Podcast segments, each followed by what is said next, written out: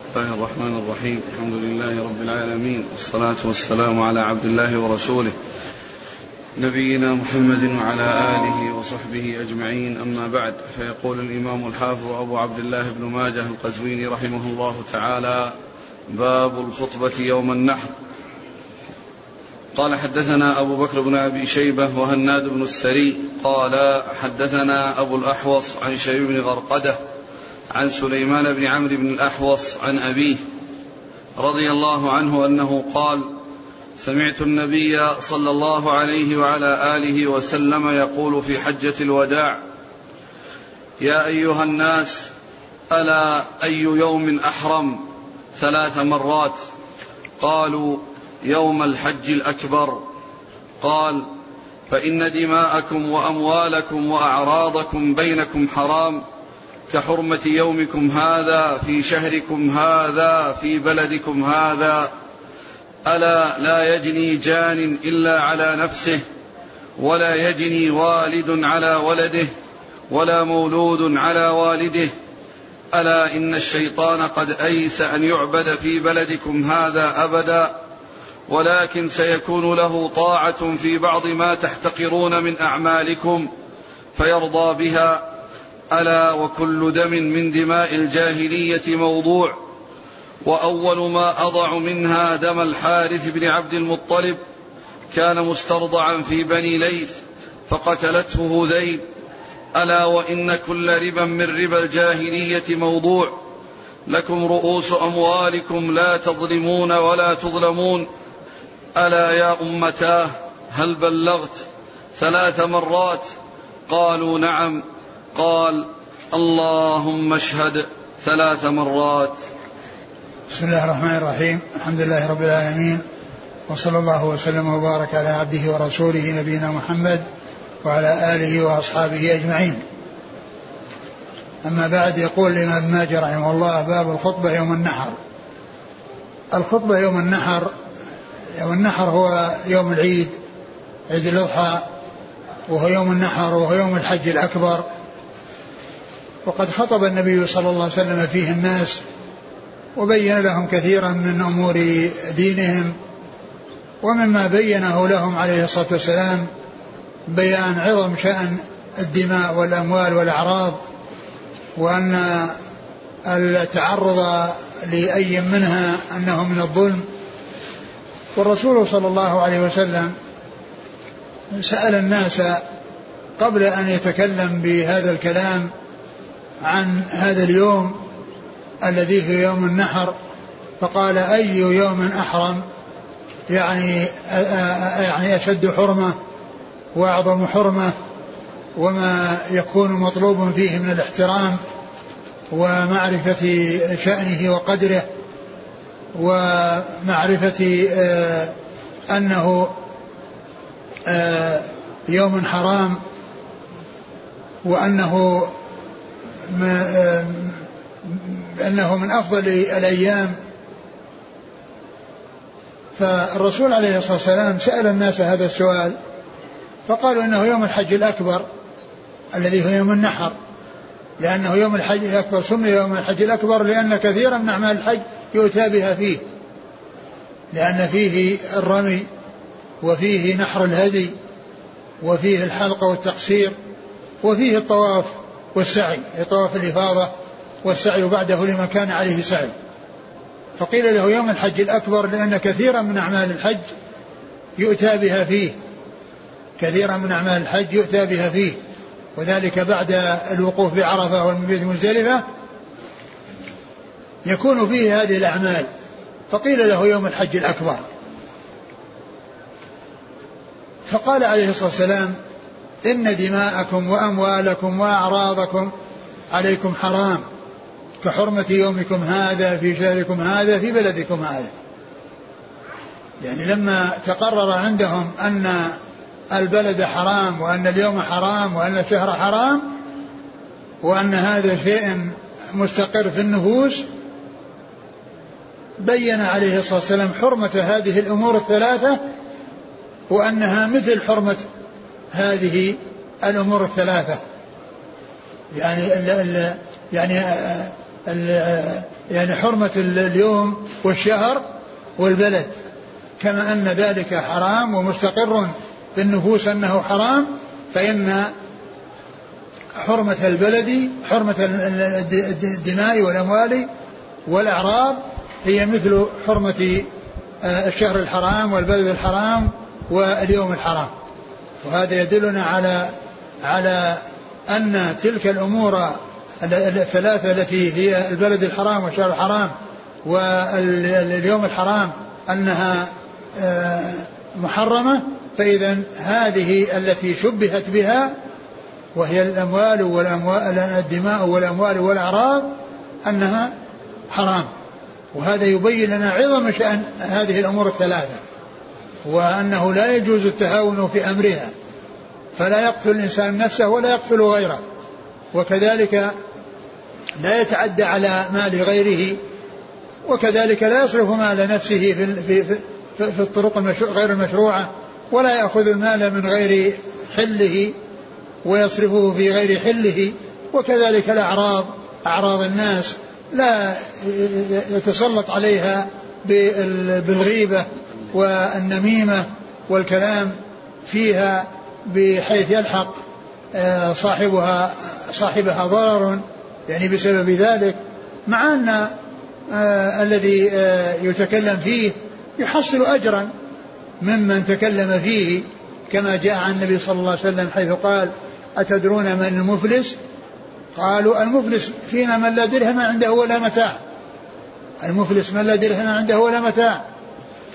قال عليه الصلاة والسلام المفلس من يأتي يوم القيامة من أمتي بصلاة وزكاة وصيام وحج ويأتي وقد شتم هذا وضرب هذا وسفك دم هذا فيعطى هذا من حسناته وهذا من حسناته فإن فنيت حسناته قبل أن يقضى ما عليه أخذ من سيئاتهم وطرح عليه ثم طرح في النار. يعني يعني القصاص والجزاء فيما يكون بين الناس في اليوم الذي لا يكون فيه آه، درهم ولا دينار وإنما فيه الأعمال الصالحة والأعمال السيئة. فيعطى هذا من حسنات هذا وهذا من حسنات هذا فإن فنيت حسناته قبل أن يقضى ما عليه أخذ من سيئاتهم فطرح عليه ثم طرح في النار. إذن هذا يبين لنا آه، عظم حرمة الدماء والأعراض والأموال. إن دماءكم وأموالكم وأعراضكم عليكم حرام كحرمة يومكم هذا في شهركم هذا في بلدكم هذا. ألا لا يجني جان إلا على نفسه ولا يجني والد على ولده ولا مولود على والده. ألا لا يجني جان إلا على نفسه.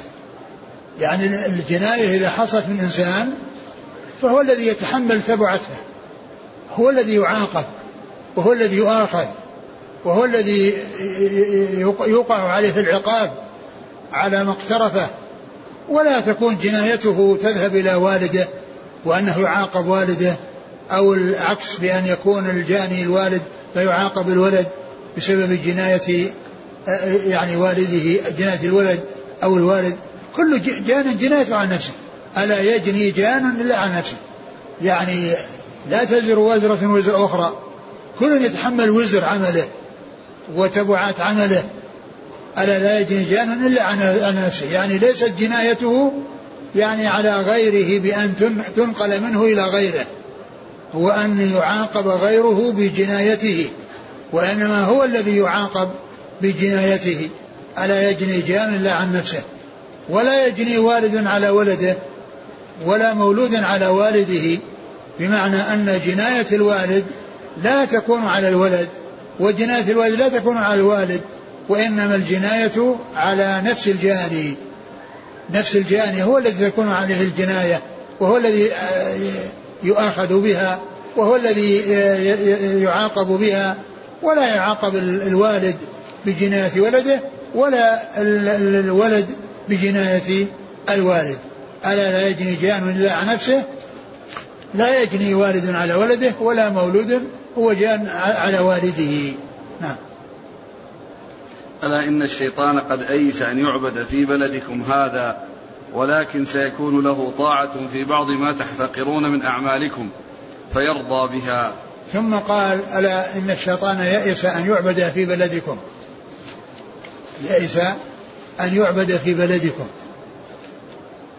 الشيطان جاء أنه أيس أن يعبد في جزيرة العرب. ولكن بالتحريش بينهم. ولكن هذا لا يعني أن الشرك لا يوجد في جزيرة العرب بل إنه بل أخبر الرسول صلى الله عليه وسلم بوجوده وأنه سيوجد في أحاديث صحيحة ويوفق بينها وبين الحديث الذي فيه يأس الشيطان أن يعبد في جزيرة العرب.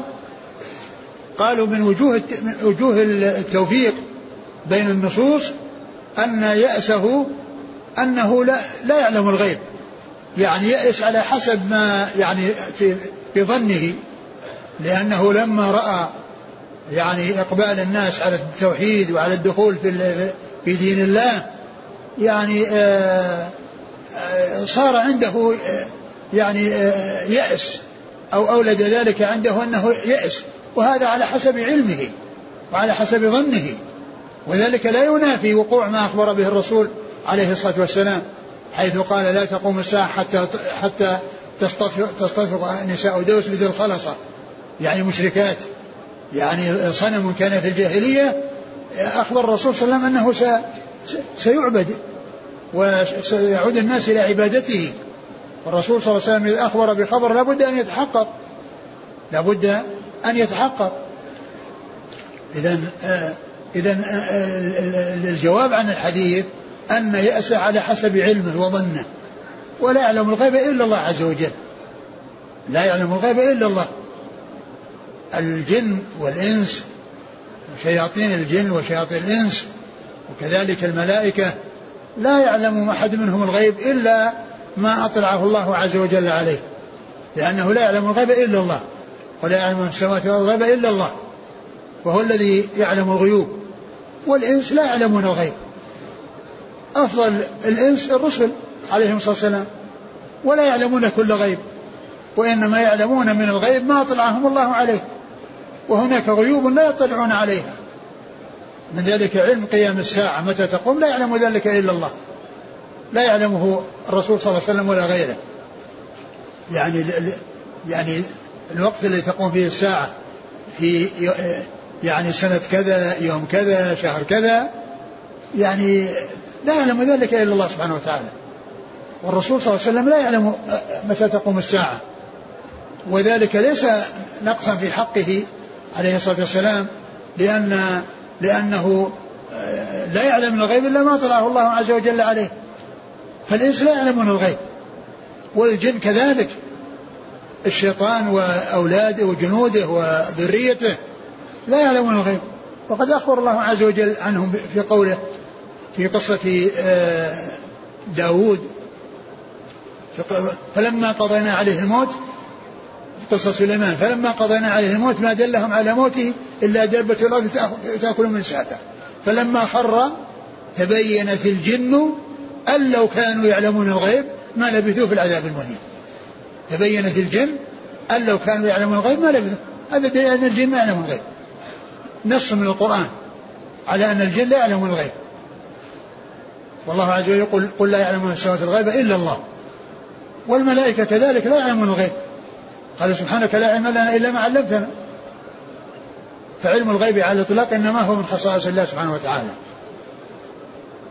إذا يوفق بين الحديث وبين ما جاء به النصوص من وجود الشرك في جزيرة العرب وبأن هذا إنما هو على حسب ظنه و, و وفهمه وأنه يئس لما رأى من إقبال الناس على الإيمان ودخولهم في الإسلام والأمر الثاني أنه يحمل على أنه يعبد عبادة كاملة وأن الناس يرجعون إلى الكفر كما كانوا عليه في الجاهلية.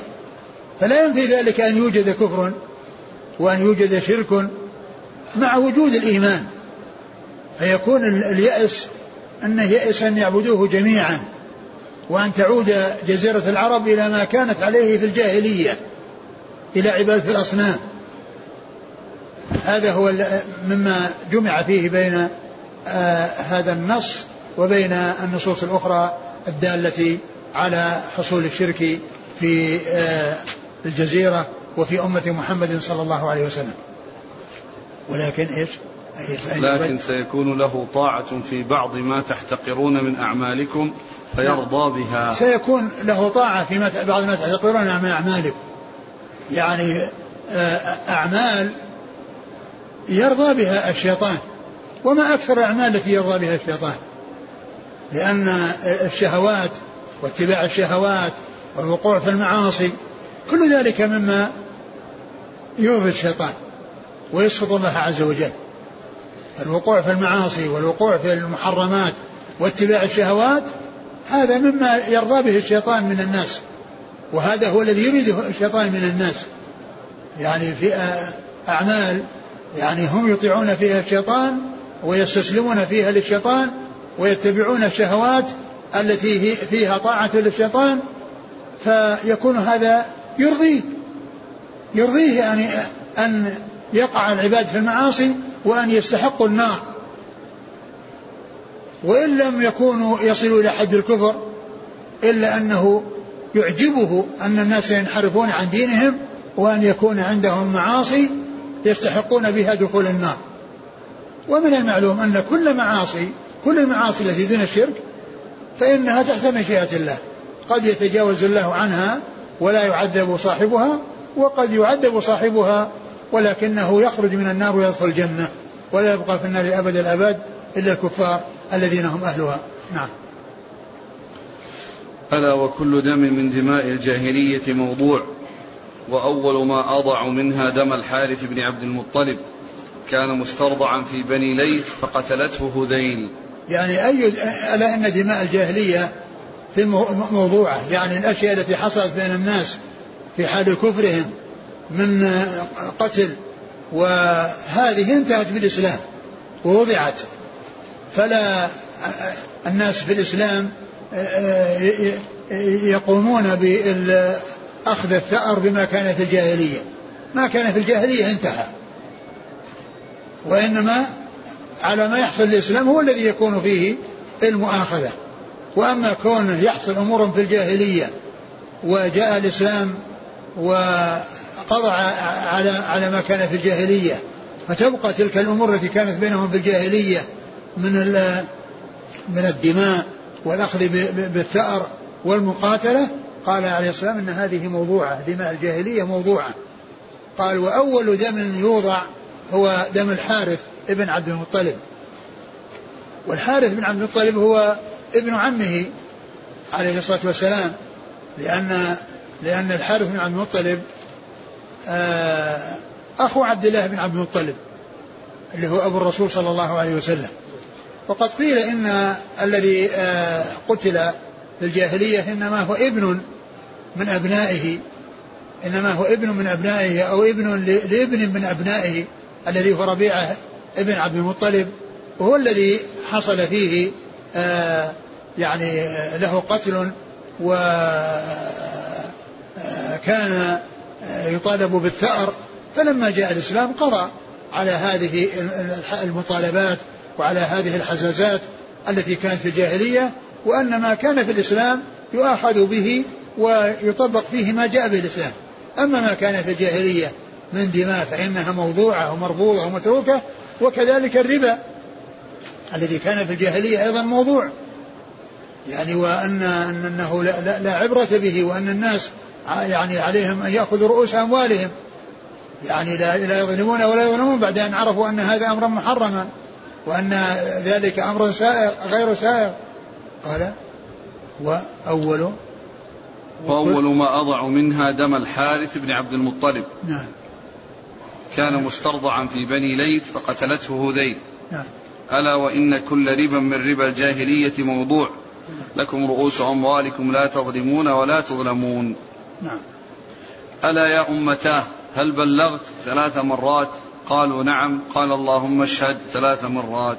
لما خطبهم بهذه الخطبة وبين لهم هذه الأمور المحرمة وفي مقدمتها حرمة الدماء والأموال والأعراض وقال لهم يعني يا أمتاه إنكم مسؤولون. يا ألا يا أمتاه هل بلغت؟ يا أمتاه هل بلغت؟ قالوا نعم. قال اللهم اشهد اللهم اشهد اللهم اشهد.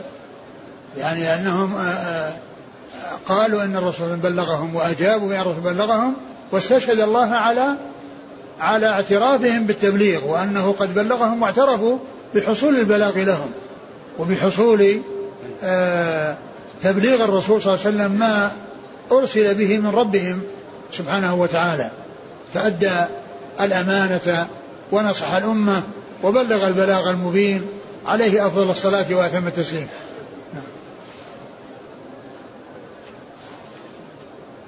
دم الحارث بن عبد المطلب. نعم هو آه، قيل إنه دم الحارث لكن قيل إنه دم يعني ولد لربيعة بن الحارث. صواب. ما أدري والله الحقيقة لكن قالوا إن إن الحارث إنه ما كان قتل. وإنما قتل ابن من أبناء آه ابنه ربيعة. لأن هنا ينقل يقول أن الخطابي قال هكذا رواه أبو داود. وهو في سائر الروايات دم ربيعة ابن الحارث بن عبد المطلب. إيه. وقيل إنه دم ابن ابن لربيعة.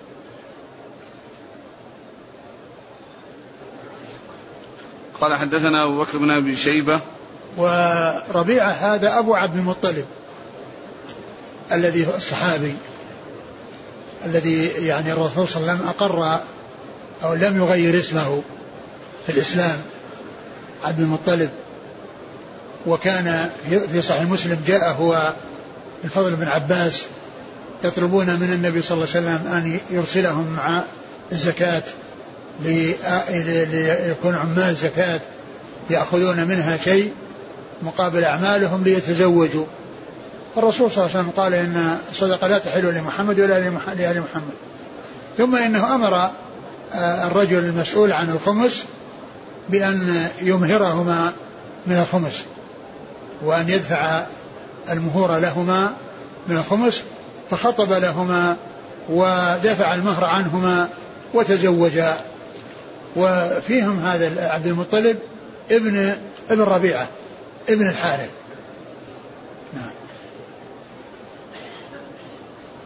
قال حدثنا أبو بكر بن أبي شيبة. ثقة أخرج أصحاب الكتب إلا الترمذي. وهناد بن السري. ثقة أخرجه البخاري في خلق أفعال العباد ومسلم وأصحاب السنن. عن أبي الأحوص. سلام بن سليم ثقة أخرج أصحاب الكتب.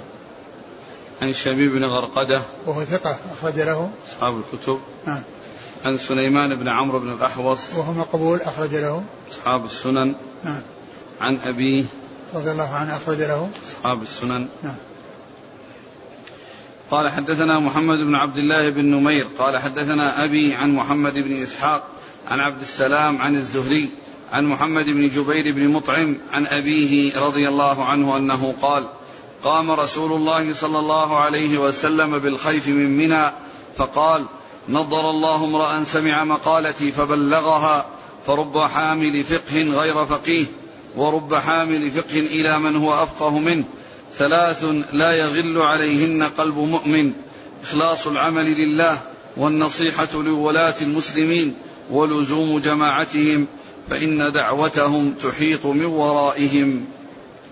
ثم ذكر حديث جبير بن مطعم الذي فيه أن النبي صلى الله عليه وسلم خطب الناس في مسجد الخيف في منى وقال نظر الله امرأ سمع مقالتي سمع منها شيئا. نظر الله امرأ سمع مقالتي فبلغها. نظر الله امرأ سمع مقالتي فبلغها. فرب فرب حامل فقه. حامل فقه غير فقيه. ورب حامل فقه إلى من هو أفقه منه. ورب حامل فقه إلى من هو أفقه منه. قوله نظر الله هو دعاء.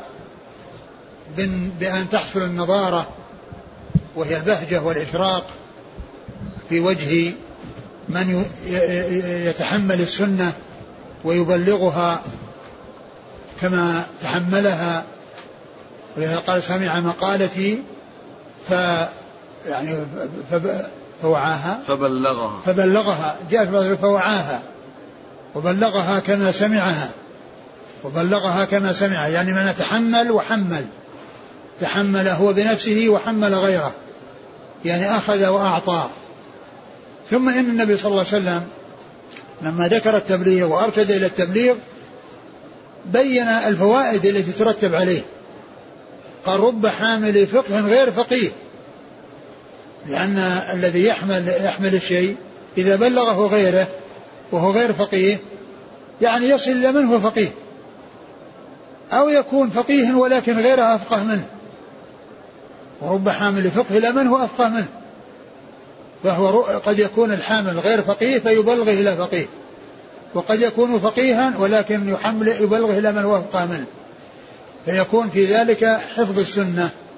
و آه، آه، الإبقاء عليها وعدم ضياع شيء منها.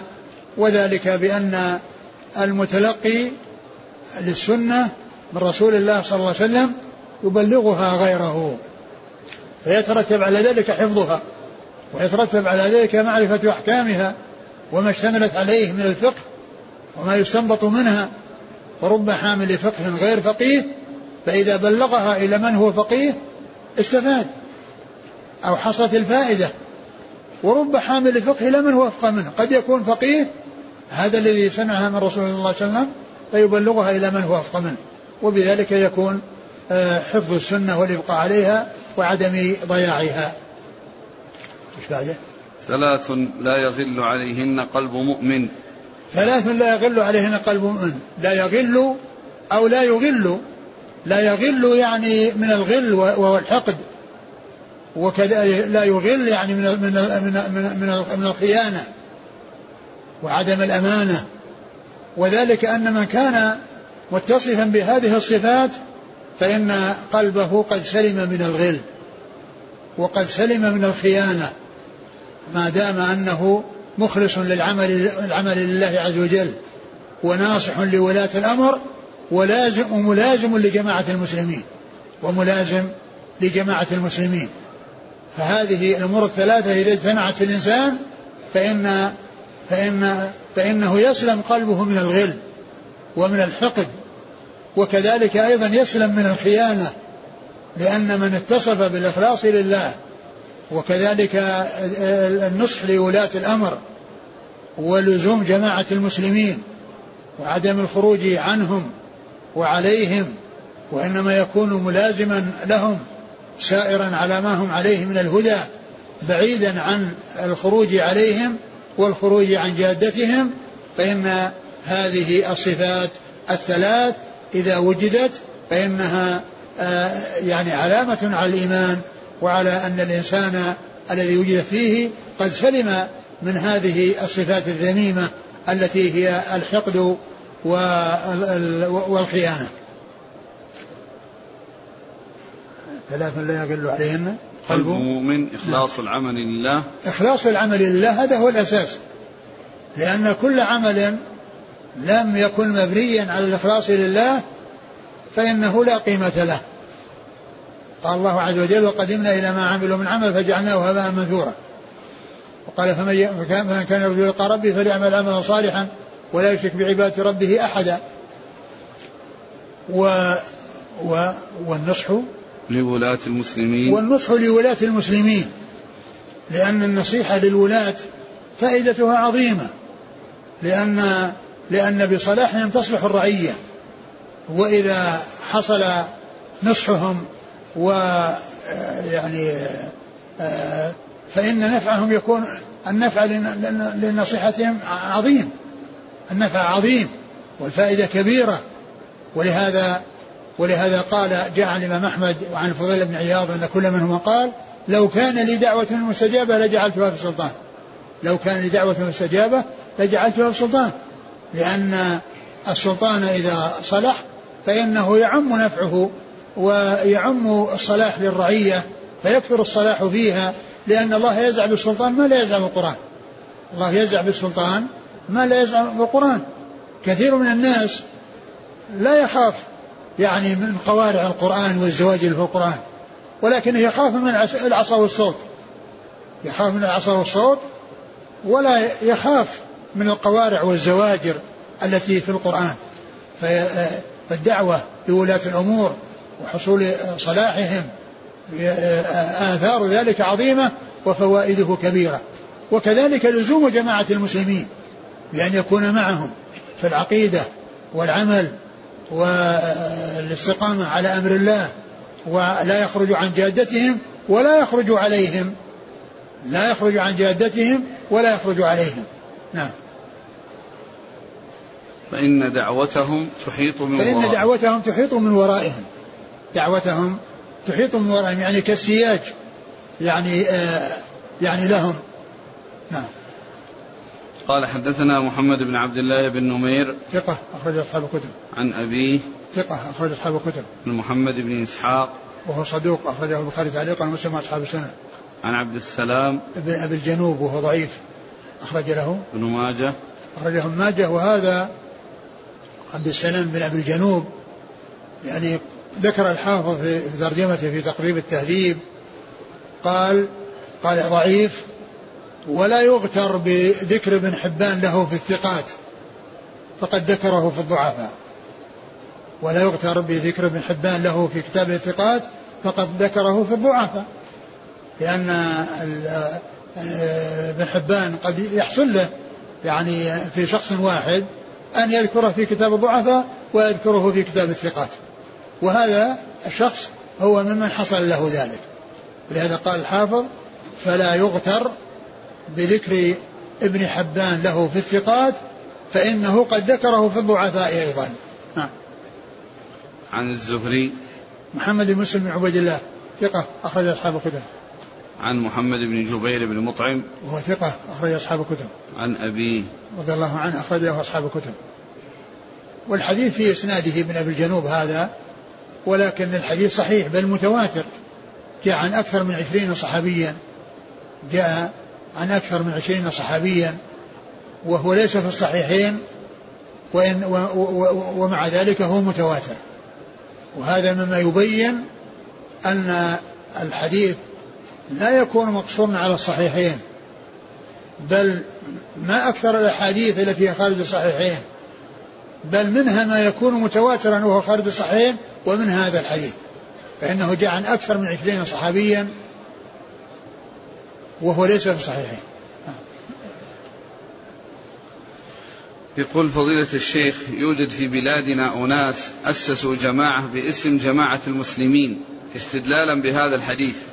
وحديث آخر تلزم جماعة المسلمين وإمامهم. ونصبوا لأنفسهم إماما يدعون الناس إلى بيعته. فهل صنيعهم مطابق لمفهوم هذا الحديث؟ ما أدري هذا البلد هل فيه يعني جماعات متنوعة جماعات متعددة. معلوم أن الجماعة التي يعني جماعة المسلمين هم الذين واليهم مسلم وبيده الحل والعقد وبيده الأمر. ما هو بس مجرد جماعة يتمنون يعني أماني ويسمون أنفسهم اسم وينصبون على أنفسهم شخص يقولون إنه هو أمير المؤمنين. ما أكثر من يدعي الدعاوى التي لا لا حظ لها من من الصواب. هذه مجرد دعاوى وإنما الوالي هو الذي يلي أمر المسلمين ويكون مرجعا لهم ويقيم حدود الله فيهم. ويأمر بالمعروف وينهى عن المنكر ويستقيم به حال الناس وأمر الناس. أما ما أكثر ما كل كل يدعي أنه آه على الحق والصواب ومن هؤلاء المدعين من هم أبعد الناس عن الحق والصواب. قال حدثنا إسماعيل بن توبة قال حدثنا زافر بن سليمان عن أبي سنان عن عمرو بن مرة عن مرة عن عبد الله بن مسعود رضي الله عنه أنه قال قال رسول الله صلى الله عليه وعلى آله وسلم وهو على ناقته المخضرمة بعرفات فقال أتدرون أي يوم هذا وأي شهر هذا وأي بلد هذا؟ قالوا هذا بلد حرام وشهر حرام ويوم حرام. قال ألا وإن أموالكم ودماءكم عليكم حرام كحرمة شهركم هذا في بلدكم هذا في يومكم هذا. ألا وإني فرطكم على الحوض وأكاثر بكم الأمم فلا تسودوا وجهي. ألا وإني مستنقذ أناسا ومستنقذ مني أناس. فأقول يا رب أصيحابي فيقول إنك لا تدري ما أحدثوا بعدك. ثم ذكر هذا الحديث عن عبد الله بن مسعود. عبد الله بن مسعود وأن الخطبة في عرفات. وهذا الحديث أو هذه الخطبة جاء في الأحاديث الصحيحة أنها يوم النحر لأن قال يعني يوم الحج الأكبر قال يعني هو يوم الحج الأكبر ويوم الحج الأكبر هو عرفة يوم النحر. لأنه قال تدرون لأن جاء في بعض الروايات في الصحيحين أي يوم هذا فسكتوا. حتى ظننا أنه سيسميه بغير اسمه. قال أليس يوم الحج الأكبر؟ ثم سأل عن الشهر وعن البلد. وكان جوابهم أنهم يظنون أنه يسميه سيسميه بغير اسمه. ثم إنه بعدما ذكر الاسم والبلد والشهر كذا أن دماءكم وأموالكم وأعراضكم عليكم حرام كحرمة يومكم هذا في شهركم هذا في بلدكم هذا. في شهركم هذا في بلدكم هذا. ف يعني يعني هذا الحديث مثل الحديث الأول يعني فيه بيان عظم حرمة هذه الأمور الثلاثة وتشبيهها وتمثيلها بحرمة الشهر والبلد واليوم دال على عظيم حرمتها وعلى خطورة أمرها وأن الواجب على كل مسلم أن لا ألا يحصل منه تهاون في هذه الأمور بل يلتزم آه، بما جاء عن الله ورسوله صلى الله عليه وسلم ويبتعد عن الظلم في هذه الأمور الثلاثة التي هي الدماء والأموال والأعراض. ألا وإني فرطكم على الحوض. ألا وإني فرطكم على الحوض. يعني هو المتقدم لهم الذي يكون بانتظارهم ليردوا عليه وليشربوا من وليشربوا من حوضه. وقد جاء في أحاديث ومن هذا الحديث أن أنه يرد أو يذاد عنه ناس وقال إني مستخلص. وأكاثر بكم الأمم. وأكاثر بكم الأمم. يعني وأكاثر بكم الأمم يعني يوم القيامة وأن يكون له أتباع يعني كثيرون. فهم ولهذا جاء في الحديث الحث على الزواج وقال إني مكاثر بكم الأمم. يعني الحث على الزواج وترغيب في الزواج وأن من أسباب ذلك ومن نتائج ذلك حصول النسل الذي يكون به المكاثرة. نعم. يقول فلا تسودوا وجهي. يعني فلا تسودوا وجهي يعني بأن يحصل منكم يعني أمور منكرة تكون سببا في عدم ورودكم على الحوض في سبب في ورودكم على الحوض فلا تسودوا وجهي يعني بأن يحصل منكم هذه الأمور المنكرة التي تكون سببا في ذودهم عن الحوض ومنعهم من الحوض. نعم. ألا وإني مستنقذ أناسا ومستنقذ مني أناس. مستنقذ أناس يعني معناها أنه يعني آه، يريد وصولهم الحوض والشرب ومستوقظ الناس يذادون ويطردون ويمنعون بحيث لا يصلوا بحيث لا يصلوا إلى الحوض. نعم. فأقول يا ربي أصيحابي فيقول إنك لا تدري ما أحدثوا بعدك. فيقال فيقول أصيحابي يعني تصير أصحابي. والمقصود من هذا الحديث أو هذا ذكر الأصحاب هم الذين ارتدوا عن الإسلام بعد وفاة الرسول صلى الله عليه وسلم وقتلوا وماتوا على الردة. يعني كبعض لأن بعد وفاة الرسول ارتد بعض من دخل في الإسلام من العرب وفيهم من لقي النبي صلى الله عليه وسلم وفيهم من لقي النبي صلى الله عليه وسلم ومن كان من أصحابه والرسول يعرف أنه من أصحابه ولكنهم ارتدوا وماتوا على الردة.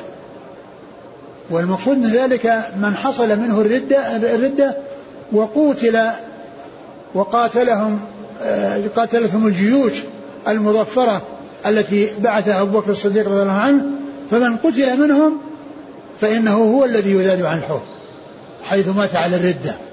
وأما من من من عاد إلى الإسلام منهم من ارتد وعاد إلى الإسلام فإن فإنه على الأصح باق على صحبته ويعتبر صحابي وردته لا تنفي عنه الصحبة. ولهذا الحافظ بن حجر في, في, في نخبة الفكر عرف الصحابي بقوله الصحابي هو من لقي النبي صلى الله عليه وسلم مؤمنا به ومات على الإسلام ولو تخللت ردة في الأصح. ولو تخللت ردة في الأصح. ولهذا بعض الذين ارتدوا ورجعوا إلى الإسلام قبل الناس أو قبل قبلوا أحاديثهم والتي يرونها عن رسول الله صلى الله عليه وسلم. نعم. قال حدثنا إسماعيل بن توبة هو صدوق أخرجه ابن ماجه نعم. عن زافر بن سليمان هو صدوق كثير الأوهام نعم. الترمذي والنسائي في عمل يوم والليلة وابن ماجه. نعم. عن أبي سنان وهو صدوق له أوهام رجل البخاري في القراءة ومسلم. نعم. وأبو داود الترمذي والنسائي في عمل يوم والليلة وابن ماجه. عن عمرو بن مرة. وهو ثقة أخرج أصحاب الكتب. عن مرة. مرة الطيب الهمداني ثقة أخرج أصحاب الكتب. عن عبد الله بن مسعود. الهذلي رضي الله عنه أخرج أصحاب الكتب. يعني تكون الخطبة جاءت مرتين في نفس ال... ما أدري جاءت مرتين ولا أن ولا أن هذه فيها وهم. إما أن تكون متكررة وإما أن تكون يعني آه، الأرجح أنها يوم النحر ويكون هذه ذكر عرفة فيها وهم. قال حدثنا هشام بن عمار قال حدثنا صدقة بن خالد قال حدثنا هشام بن الغاز قال سمعت نافعا يحدث عن ابن عمر رضي الله عنهما أن رسول الله صلى الله عليه وسلم وقف يوم النحر بين الجمرات في الحجة التي حج فيها فقال النبي صلى الله عليه وآله وسلم أي يوم هذا؟ قالوا يوم النحر. قال فأي بلد هذا؟ قالوا هذا بلد الله الحرام. قال فأي شهر هذا؟ قالوا شهر الله الحرام. قال هذا يوم الحج الأكبر. ودماؤكم وأموالكم وأعراضكم عليكم حرام كحرمة هذا البلد في هذا الشهر في هذا اليوم. ثم قال هل بلغت؟ قالوا نعم. فطفق النبي صلى الله عليه وعلى آله وسلم يقول اللهم اشهد. ثم ودع الناس فقالوا هذه حجة الوداع. ثم ذكر حديث عمر رضي الله تعالى عنهما وهو يتعلق بالخطبه يوم النحر بين الجمرات.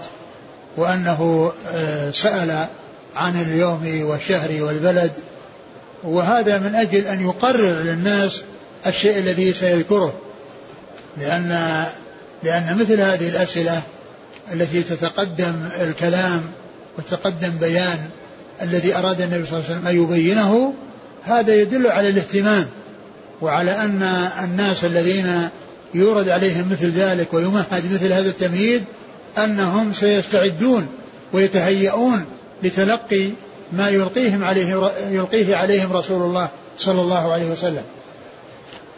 ف فكونه يعني سأل هذه الأسئلة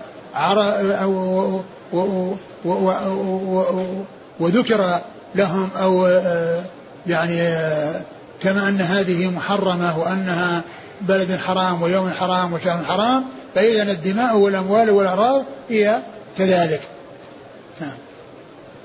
قال حدثنا هشام بن عمار صدوق أخرج البخاري وأصحاب السنة. عن صدقة بن خالد هو ثقة أخرج البخاري وأبو داود والنسائي بن ماجه عن هشام بن الغاز وهو ثقة أخرج البخاري تعليقا وأصحاب السنن نعم. عن نافع عن ابن عمر. نافع مولى بن عمر ثقة أخرج أصحاب الكتب. قال رحمه الله تعالى باب زيارة البيت. قال حدثنا بكر بن خلف أبو بشر قال حدثنا يحيى بن سعيد قال حدثنا سفيان قال حدثني محمد بن طارق عن طاووس وأبو الزبير عن عائشة وابن عباس رضي الله عنهم أن النبي صلى الله عليه وعلى آله وسلم أخر طواف الزيارة إلى الليل. ثم قال زيارة البيت. والمقصود بزيارة البيت يعني الذهاب إلى الكعبة للطواف فيها طواف الإفاضة. لأن طواف الإفاضة يقال طواف الزيارة ويقال له طواف الإفاضة. يسمى بهذا وبهذا. الرسول عليه الصلاة والسلام ثبت في الأحاديث الصحيحة أنه ذهب ضحى يعني إلى مكة وطاف طواف الإفاضة. وكان سعى مع طواف القيوم لأنه كان قارن فلم يسعى بعد طواف الإفاضة. ثم رجع إلى منى واختلفت الروايات. هل وهي صحيحة. هل الرسول صلى الله عليه وسلم صلى الظهر بمكة أو صلى الظهر بمنى وقد جاءت الأحاديث الصحيحة في هذا وفي هذا أنه صلى الظهر بمكة وأنه صلى الظهر بمنى ومما وفق بين تلك النصوص أن الرسول صلى الله, عليه وسلم صلى بالناس مكة ثم صلى بهم بمنى يعني صلى لهؤلاء وصلى لهؤلاء مثل ما حصل في صلاة الخوف لأنه في بعض الروايات الصحيحة في صلاة الخوف أنه قسم الناس مجموعتين. مجموعة صلى بهم ركعتين ثم مجموعة صلى بهم ركعتين. فصلاته الأولى فرض والثانية نفل. فيكون هذا قالوا إن هذا من أقرب ما يكون في التوفيق بين بين ما جاء من أنه صلى بمكة وأنه صلى بمنى. فيكون صلى بمكة الظهر فرض ثم صلى بالناس في منى. لما جاء وهم ينتظرونه فصلى بهم وصارت صلاته الثانية نافلة والأولى فريضة. إذا ثبتت السنة في الأحاديث الصحيحة أن الرسول صلى الله عليه وسلم صلى بمكة أو بمنى الظهر. هنا هذا الحديث قال أنه أخر آه، طواف الزيارة البيت إلى الليل. يعني معناه أنه ذهب بالليل. وهذا غير صحيح. لأنه ذهب بالنهار. ورجع بالنهار. ولم يؤخر الزيارة إلى الليل أو الذهاب إلى مكة إلى الليل. ولهذا يعني هذا الحديث فيه عنعنة بن الزبير في أحد الطريقين وفيه انقطاع يعني أو إرسال في الطريق الأولى.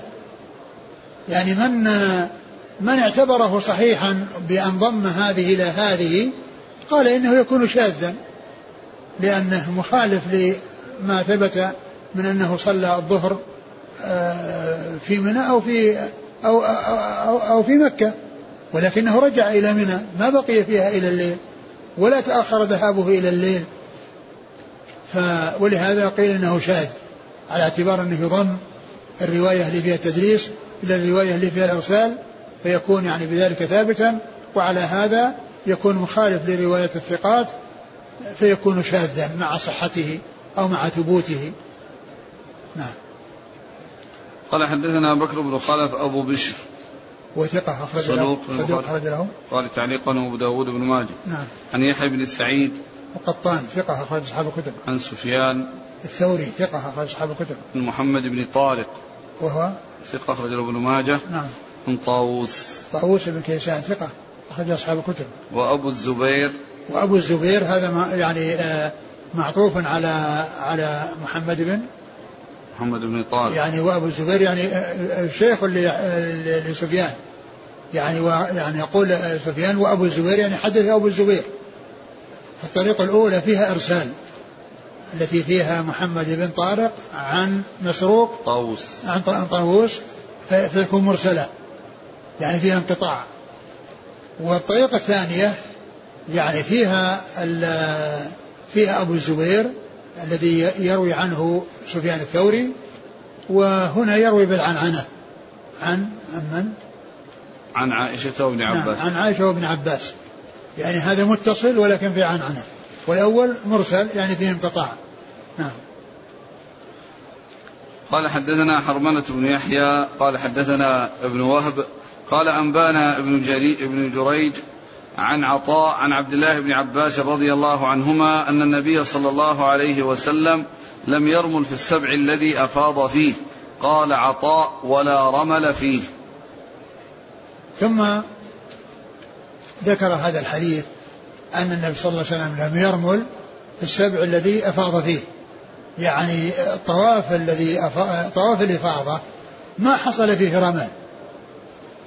لم يرمل النبي صلى الله عليه وسلم. لأن الرمل إنما يكون في أول القدوم إلى مكة. وقد رمل لما قدم إليها في في, في اليوم الرابع من شهر ذي الحجة. وأما هذا الطواف اللي طواف الإفاضة حصل يوم العيد هذا ما حصل فيه رمل الذي هو الإسراع يعني لم يحصل. والذي حصل الذي ثبت أنه حصل في طواف القدوم لما قدم مكة في اليوم الرابع من شهر الحجة صلى الله عليه وسلم. فهنا يقول أن أن النبي لم يرمل. يعني ما حصل منه رمل. ومعلوم أنه قد طاف وهو متحلل. التحلل الأول لأنه رمى ونحر وحلق. والتحلل الأول وعائشة طيبته بعد طوافه بعد رميه وحلقه.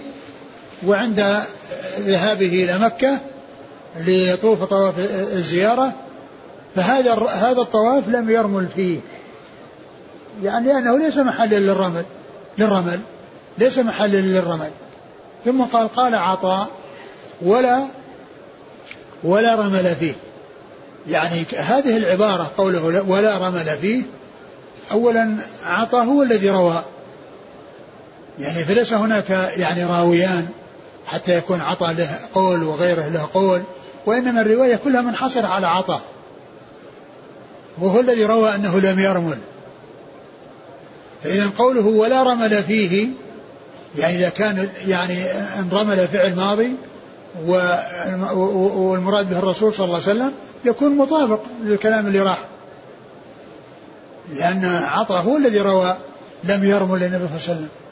ولا رمل فيه إن كان مقصود به ماضي يعني في آه وفاعله الرسول صلى الله عليه وسلم فإذا لا فرق بين الجملتين.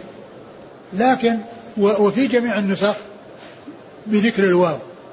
لكن الحديث في صحيح ابن خزيمة ليس فيه ذكر الواو فتكون رمل اسم. وهذا قاله آه قاله عطاء تفقها وبيان يعني شيء من الفقه الذي استنبط من, من هذا الحديث. يعني قال عطاء لا رمل فيه. يعني لا, لا رمل في طواف الزيارة. يعني لا رمل فيه فيكون يعني اسم يعني آه، للا وليس فيه هو الواو التي جاءت في عند ابن ماجه ولا رمل فيه مما يوهم أنه فعل ماضي وأنه يرجع للرسول صلى الله عليه وسلم وأن العبارتين تكون متفقتان تكون تكون متفقتين. العبارتان تكون متفقتين. فإذا العبارة عند ابن خزيمة نفس نفس الإسناد وبنفس السياق إلا أنه ليس فيه واو. يعني في قبل لا. فيكون آه، بذلك هذا من كلام آه، عطاء بعدما ذكر الحديث على سبيل التفقه وبيان الاستنباط أنه لا رمل. قال لا رمل فيه لأن النبي صلى الله عليه وسلم لم يرمل. لا رمل في طواف الإفاضة لأن النبي صلى الله عليه وسلم لم يرمل. فيكون هذا من باب التفقه. وذكر الفقه لا الرواية. يعني فيكون ذكرها فقها لا رواية. وهذا يستقيم مع حذف الواو. لأنه يصير اسم لا وذاك يفهم منه قد يفهم منه أنه فعل ماضي. وأنه يرجع للرسول صلى الله عليه وسلم فتكون جملتين بمعنى واحد. نعم. قال حدثنا حرملة بن يحيى. التجيبي المصري وهو صدوق مسلم النسائي بن نعم. ماجه نعم. عن ابن وهب عبد الله بن وهب المصري ثقة أخرج أصحاب الكتب عن ابن جريج عبد الملك بن عبد العزيز بن جريج المكي ثقة أخرج أصحاب الكتب. عن عطاء عن ابن عباس. عطاء بن أبي رباح ثقة أخرج أصحاب الكتب. نعم.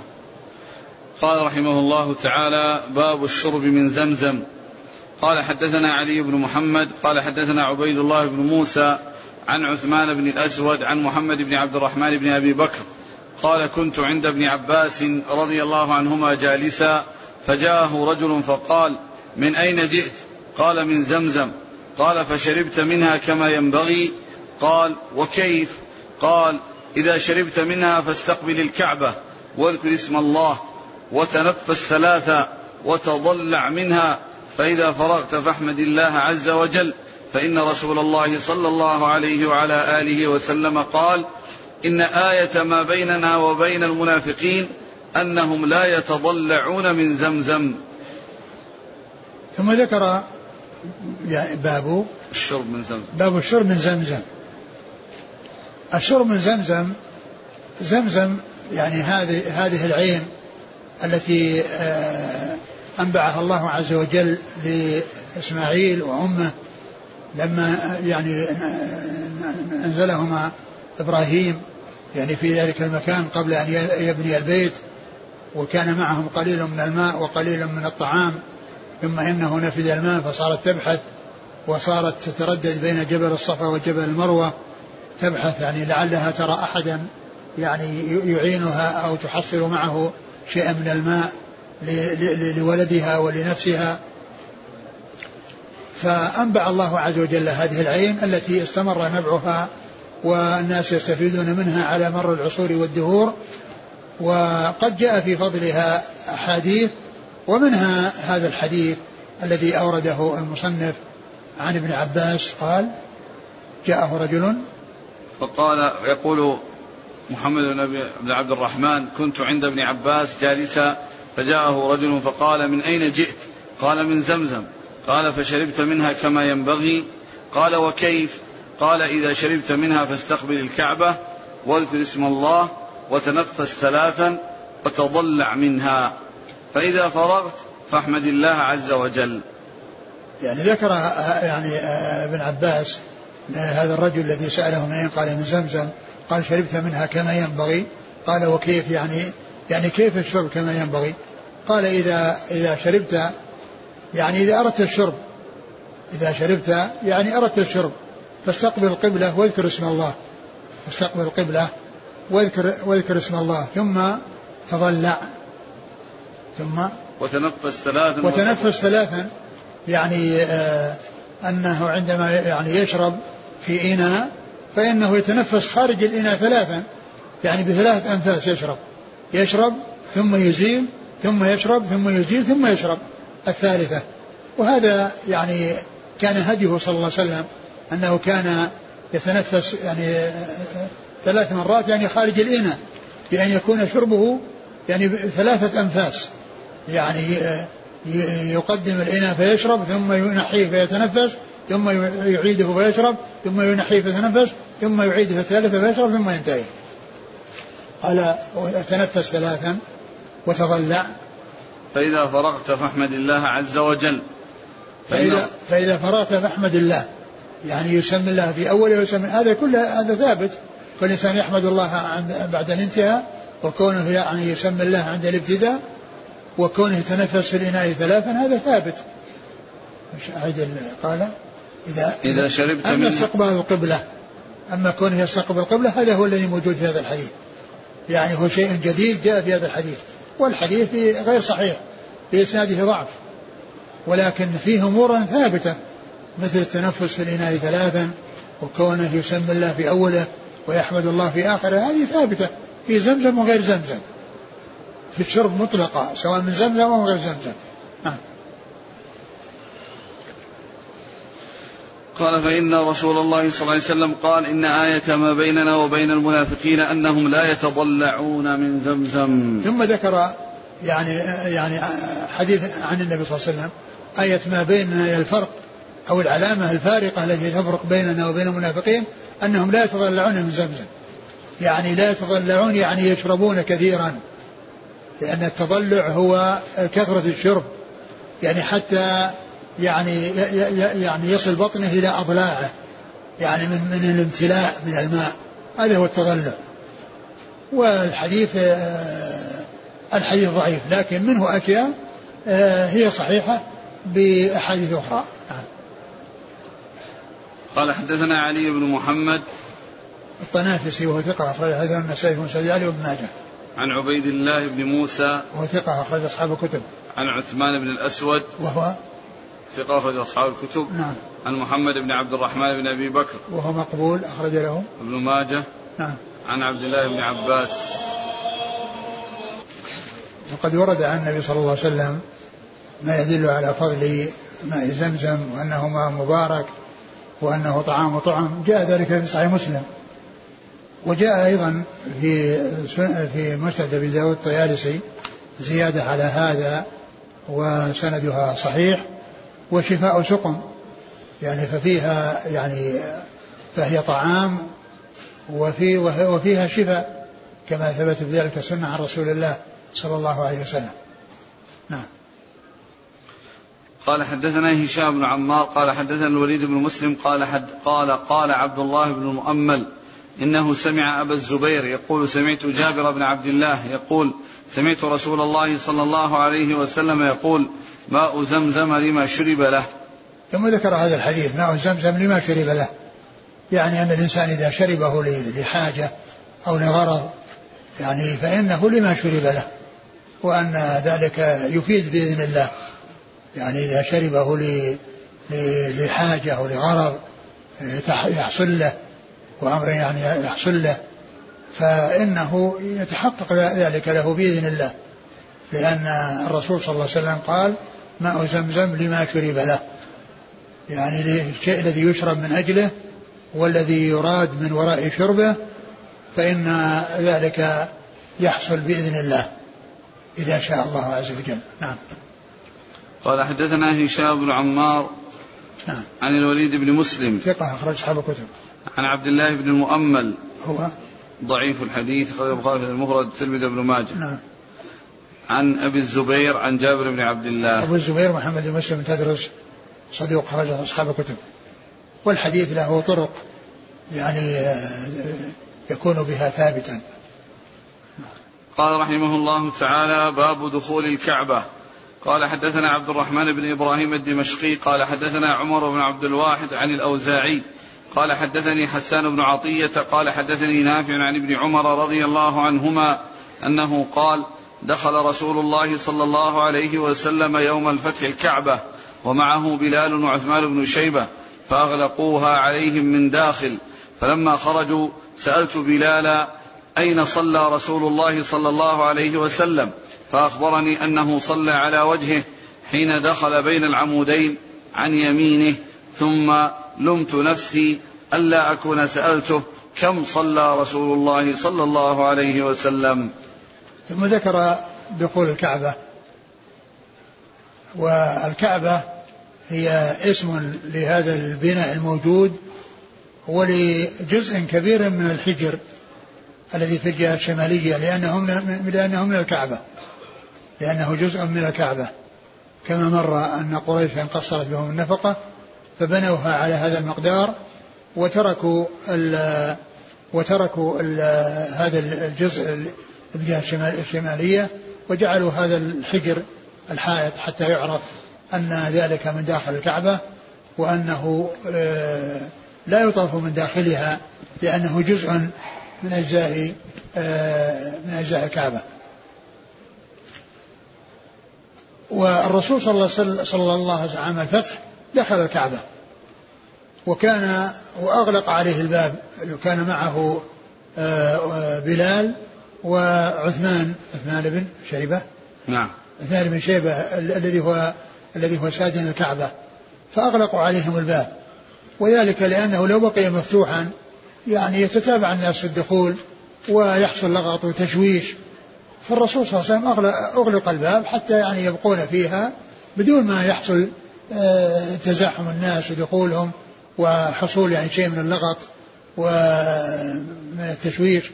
فلما آه، خرجوا قال ابن عمر يعني فكان ينتظر يعني الخروج فسأل بلالا هل صلى رسول الله صلى الله عليه وسلم؟ قال نعم صلى بين العمودين يعني آه، ذات اليمين بين العمودين. صلى على وجهه حين دخل بين العمودين عن يمينه. يعني صلى على وجهه لما دخل مع الباب آه، آه، صلى إلى الجهة المقابلة للباب متجها إلى الجهة المقابلة للباب يعني الباب وراءه مع أنه أخذ ذات اليمين يعني مال إلى جهة اليمين عن الباب. فكان مستقبلا الجهة الغربية والباب يعني وراءه إلا أنه مائل إلى جهة اليمين عن الباب. وصلى بين عمودين من من من عمودي الكعبة من أعمدة الكعبة. لأن الكعبة فيها أعمدة فصلى بين العمودين آه، في الجهة التي هي قريبة من مقابلة الباب. لأنه قال يعني ذات اليمين يعني معناه أنه أخذ يعني ذات اليمين ليس مقابل الباب رأسا وصلى. نعم. شلون؟ قال. أين صلى رسول الله صلى الله عليه وسلم؟ فأخبرني أنه صلى على وجهه حين دخل بين العمودين عن يمينه. نعم بين العمودين عن يمينه. بين العمودين عن يمينه يعني أنه ليس على مقابل الباب رأسا وإنما أخذ ذات اليمين قليلا. نعم. ثم لمت نفسي ألا أكون سألته كم صلى رسول الله صلى الله عليه وسلم. نعم هو سأله عن المكان وأين صلى فأخبره بأنه كذا يعني مقابل وجهه إلى جهة يمينه ثم قال لمت نفسي أن لا أكون سألته كم صلى يعني مقدار الركعات. ومعلوم أنها مدة وجيزة ومدة قليلة. نعم. قال وهو صلى ركعتين نعم. قال حدثنا عبد الرحمن بن إبراهيم الدمشقي. هو دحيم وهو ثقة أخرجه البخاري وأبو داود والترمذي والنسائي. والنسائي. البخاري وأبو داود والنسائي بن ماجه. نعم البخاري وأبو داود والنسائي بن ماجه. عن عمر بن عبد الواحد. وهو؟ ثقة أبو داود والنسائي بن ماجه. نعم. عن الأوزاعي. عبد الرحمن بن عمرو الأوزاعي ثقة أخرج أصحاب الكتب. عن حسان بن عطية. وهو؟ ثقة أخرج أصحاب الكتب. نعم. النافع عن ابن عمر. نعم. قال حدثنا علي بن محمد قال حدثنا وكيع قال حدثنا إسماعيل بن عبد الملك عن ابن أبي مليكة عن عائشة رضي الله عنها أنها قالت خرج النبي صلى الله عليه وآله وسلم من عندي وهو قرير العين طيب النفس ثم رجع إلي وهو حزين. فقلت يا رسول الله خرجت من عندي وأنت قرير العين ورجعت وأنت حزين. فقال إني دخلت الكعبة ووددت أني لم أكن فعلت. إني أخاف أن أكون أتعبت أمتي من بعدي. ثم ذكر هذا الحديث عن عائشة رضي الله عنها وأن النبي صلى الله عليه وسلم خرج منها آه، وكان قرير العين وطيب النفس يعني مسرورا ثم رجع وهو حزين يعني يظهر عليه الحزن فسألته أنك خرجت كذا ورجعت كذا فقال إنني دخلت الكعبة وجدت أني لم أدخلها لأني أخشى أن أكون أتعبت أمتي يعني بحيث أنهم يعني آه، يدخلونها أو يعني يحصل منهم شدة الحرص على دخولها والحديث يعني فيه اسناده ضعف فهو غير صحيح وغير ثابت عن رسول الله صلى الله عليه وسلم. قال حدثنا علي بن محمد عن وكيع عن إسماعيل بن عبد الملك. وكيع هو ثقة أخرج أصحاب الكتب وإسماعيل عبد الملك هو صدوق كثير الوهم نعم أخرج البخاري في رفع اليدين وأبو داود الترمذي وابن ماجه. نعم. عن ابن أبي مليكة. هو عبد, هو عبد الله بن عبيد الله ثقة أخرج أصحاب الكتب. عن عائشة. نعم. قال رحمه الله تعالى باب البيتوتة بمكة ليالي منى. والله تعالى أعلم وصلى الله وسلم وبارك على عبده ورسوله نبينا محمد وعلى آله وأصحابه أجمعين. جزاكم الله خيرا وبارك الله فيكم. ألهمكم الله الصواب ووفقكم للحق. نفعنا الله ما سمعنا وغفر الله لنا ولكم وللمسلمين أجمعين. يقول السائل إذا شرب ثلاثة أكواب من هذه الأكواب الصغيرة التي موجودة هنا مثلا دفعة واحدة هل فعله صحيح؟ نعم إذا كان أنها شرب الكاس بنفس ثم شرب ثلاثة بثلاث أنفاس يعني كأنه شرب وعاء يعني أكبر من هذا المقدار وبثلاث أنفاس. أقول صحيح لا بأس بذلك. مو معناه أن الإنسان يقتصر على كأس واحد. نعم.